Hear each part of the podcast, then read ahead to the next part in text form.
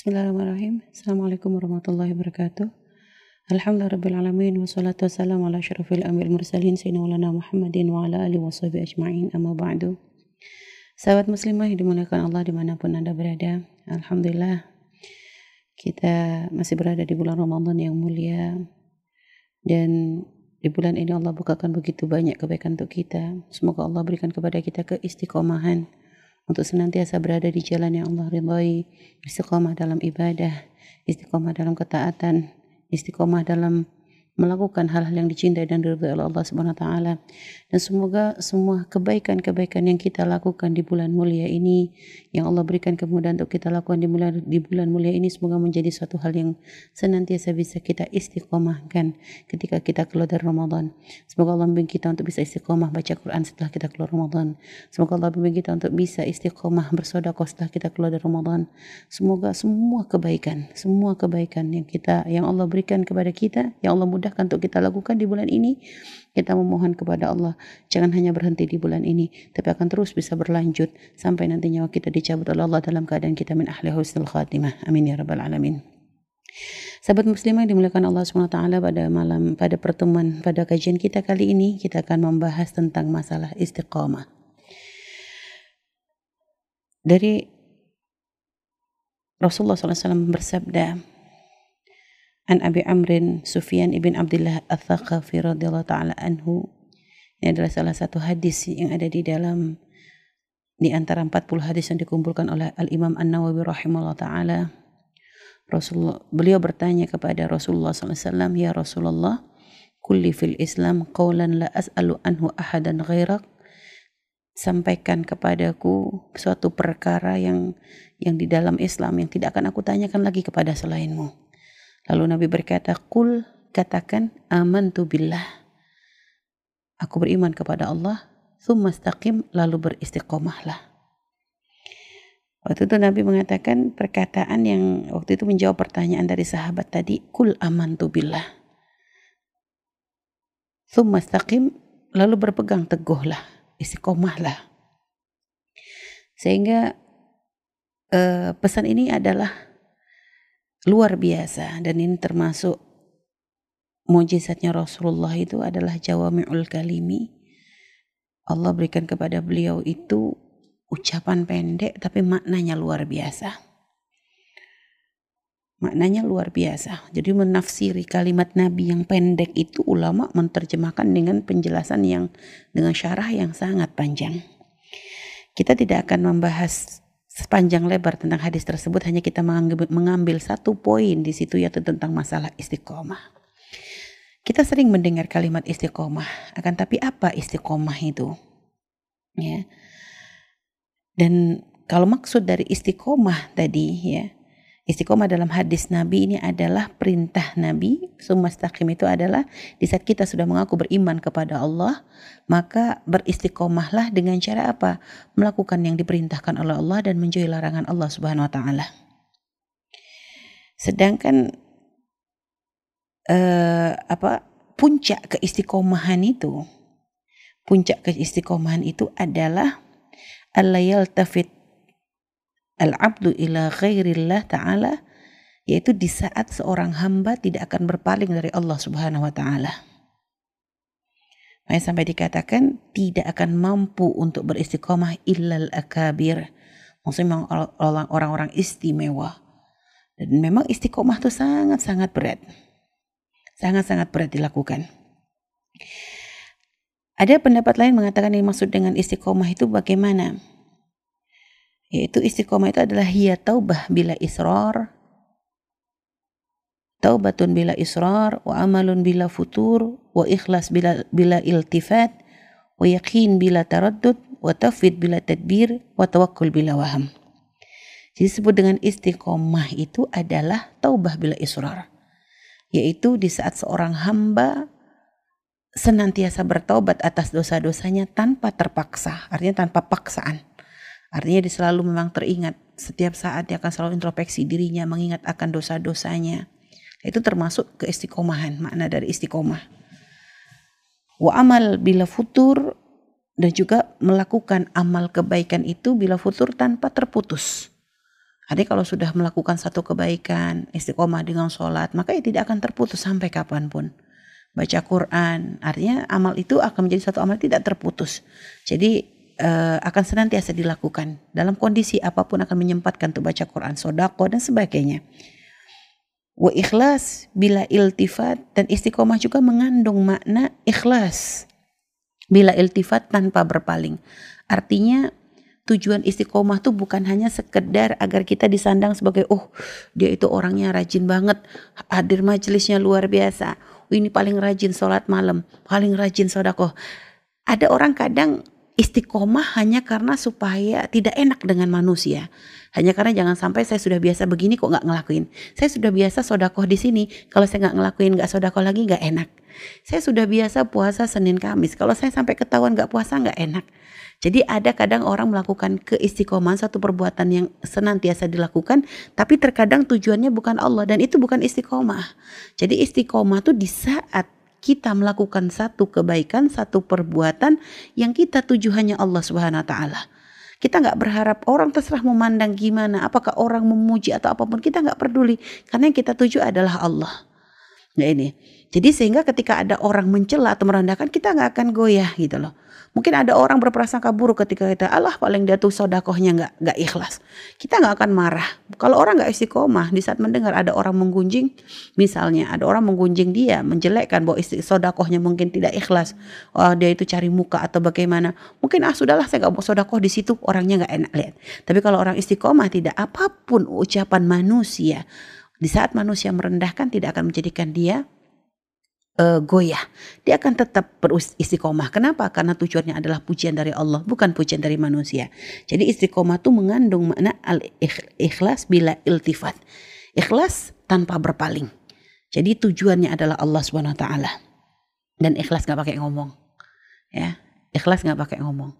Jangan saya ikhlas karena Allah itu sudah nggak ikhlas. Jadi ikhlas nggak pakai ngomong. Jadi ikhlas ini adalah urusan kita dengan Allah. Wayakin bila taradud dan istiqomah juga punya mengandung mengandung makna keyakinan bila taradud tanpa keraguan. Yakin dengan kebaikan yang kita lakukan adalah untuk mencari ridha Allah. Jadi kita beristiqomah di dalam melakukannya. Watafid bila tadbir ya. Lalu istiqomah itu punya mengandung makna tafid, menyerahkan diri kepada Allah, berpasrah pasrah kepada Allah bila tafid tanpa uh, tanpa ngatur. Tanpa ngatur. Artinya di saat kita sudah melakukan satu amal baik, urusannya kita serahkan kepada Allah. Bukan langsung ya Allah, saya sudah istiqomah sodakoh nih, balas dong dengan ini. Atau saya sudah sudah ini kabul dong hajat saya. Enggak, kita nggak ngatur Allah. Penting kewajiban kita adalah istiqomah. Balasan yang Allah berikan itu terserah Allah. Jadi lepas. Kita nggak ngatur Allah dengan kelakuan karena sebenarnya memang kebaikan kita ini nggak bawa keuntungan tuh Allah kebaikan kita bawa keuntungan untuk kita. Tapi kalau orang tidak istiqomah, ya, kalau orang belum bisa memahami mana istiqomah, ketika melakukan kebaikan, ada yang, yang dituntut dari Allah. Ya Allah, aku sudah sholat kok gak, doa aku gak dikabul-kabul. Ya Allah, aku udah ngamalin ini kok utangku belum kebayar-bayar. Ya Allah, aku sudah begini kok aku. Nah, jadi tidak seperti itu orang istiqomah. Jadi orang istiqomah di saat melakukan sudah dia lepas.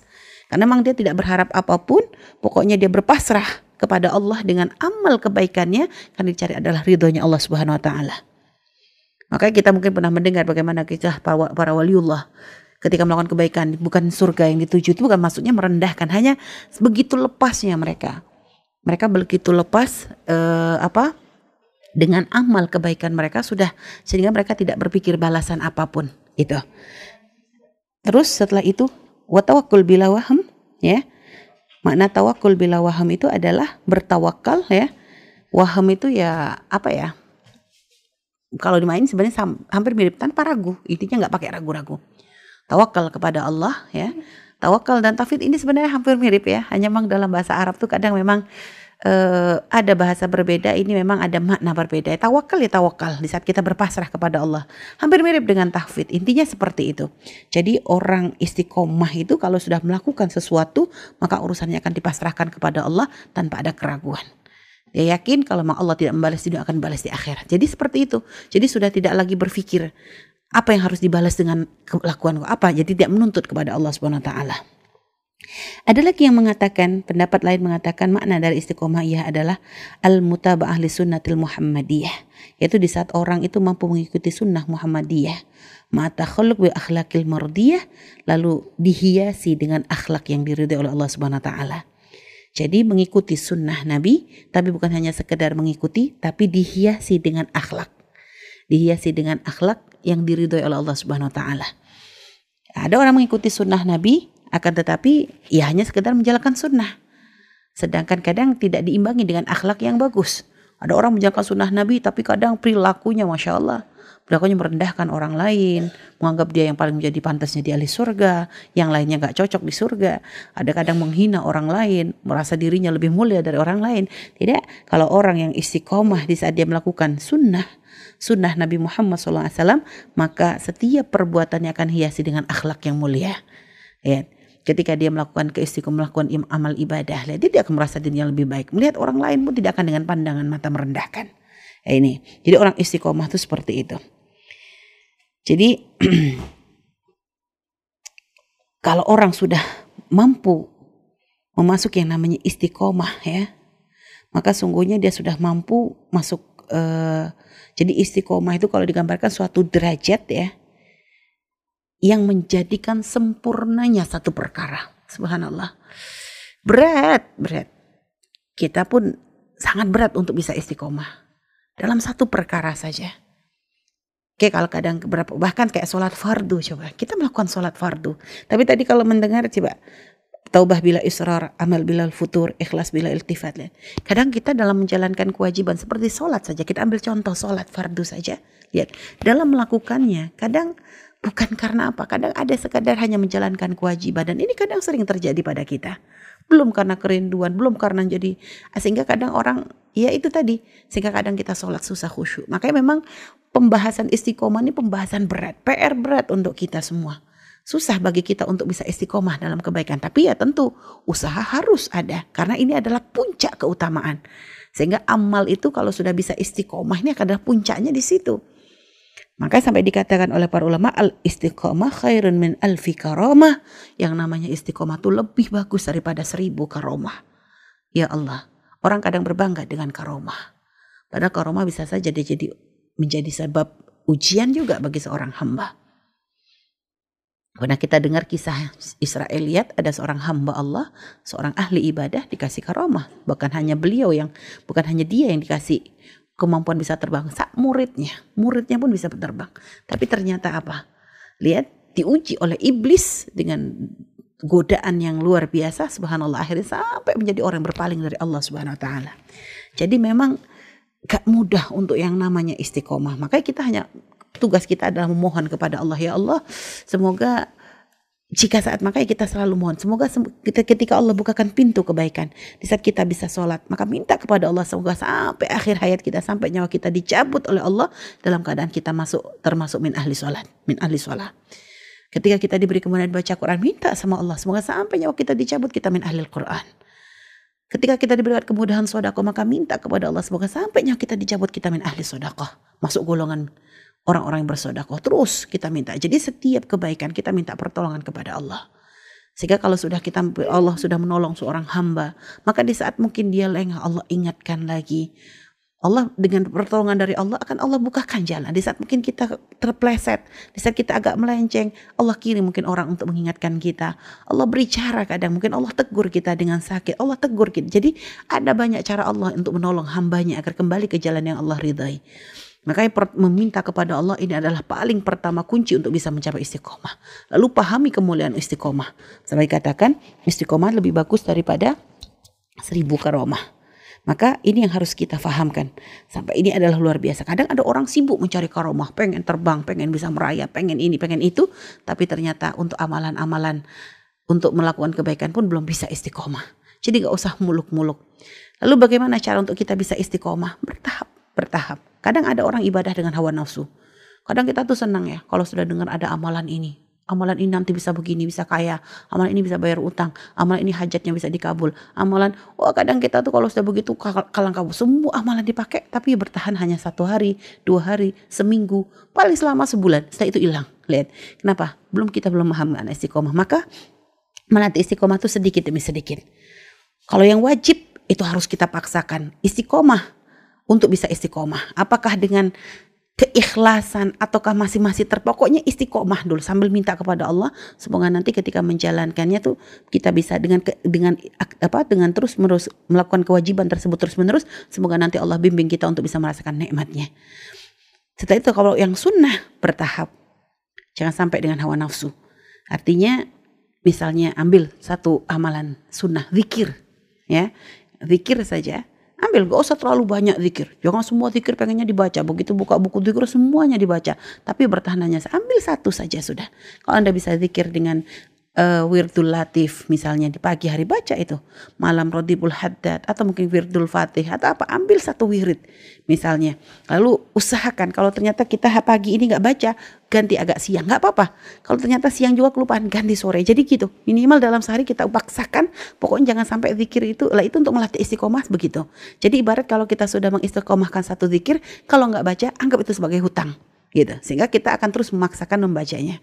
Terus apa lagi Sodakoh pun begitu. Kalau kita sudah misalnya bersodakoh uh, setiap hari Jumat, sudah pokoknya cuma kalau ternyata Jumat kelewat bayar seperti hutang gitu. Itu jadi cara untuk kita uh, melatih istiqomah. Artinya jangan sampai ketika lolos sehari, ah udahlah udah kadung gak istiqomah, males. Enggak. Jadi paksakan, paksakan, paksakan supaya nanti kita itu akan terbiasa dengan keistiqomahan. Urusan masalah ikhlas atau tidak ikhlas itu yang penting uh, itu dalam proses proses usaha. Jadi saya istiqomah, ikhlas itu adalah proses untuk kelanjutannya. Tapi jangan sampai gara-gara sudah ngerasa uh, apa namanya nggak ikhlas, males deh nggak istiqomah. Itu tidak. Jangan putus asa. Kita minta kepada Allah karena Allah yang bisa membimbing. Allah yang membimbing para para sahabat-sahabat Nabi menjadi orang istiqomah. Maka minta kita mereka adalah hamba Allah, kita juga adalah hamba Allah. Allah bisa membimbing mereka untuk istiqomah, maka bahkan Allah pun bisa sangat mudah bagi Allah untuk menjadikan kita ahli istiqomah. Semoga Allah membimbing kita menjadi ahli istiqomah, mudahkan kita terus dalam kebaikan dan kemuliaan dan semoga sampai nyawa kita dicabut oleh Allah dalam keadaan kita senantiasa istiqomah dalam kebaikan dalam kemuliaan menjadikan Allah ridha kepada kita. Baik ini saja pesan dari kami. Mohon maaf dan mohon doanya. Wabillahi taufiq Wassalamualaikum warahmatullahi wabarakatuh.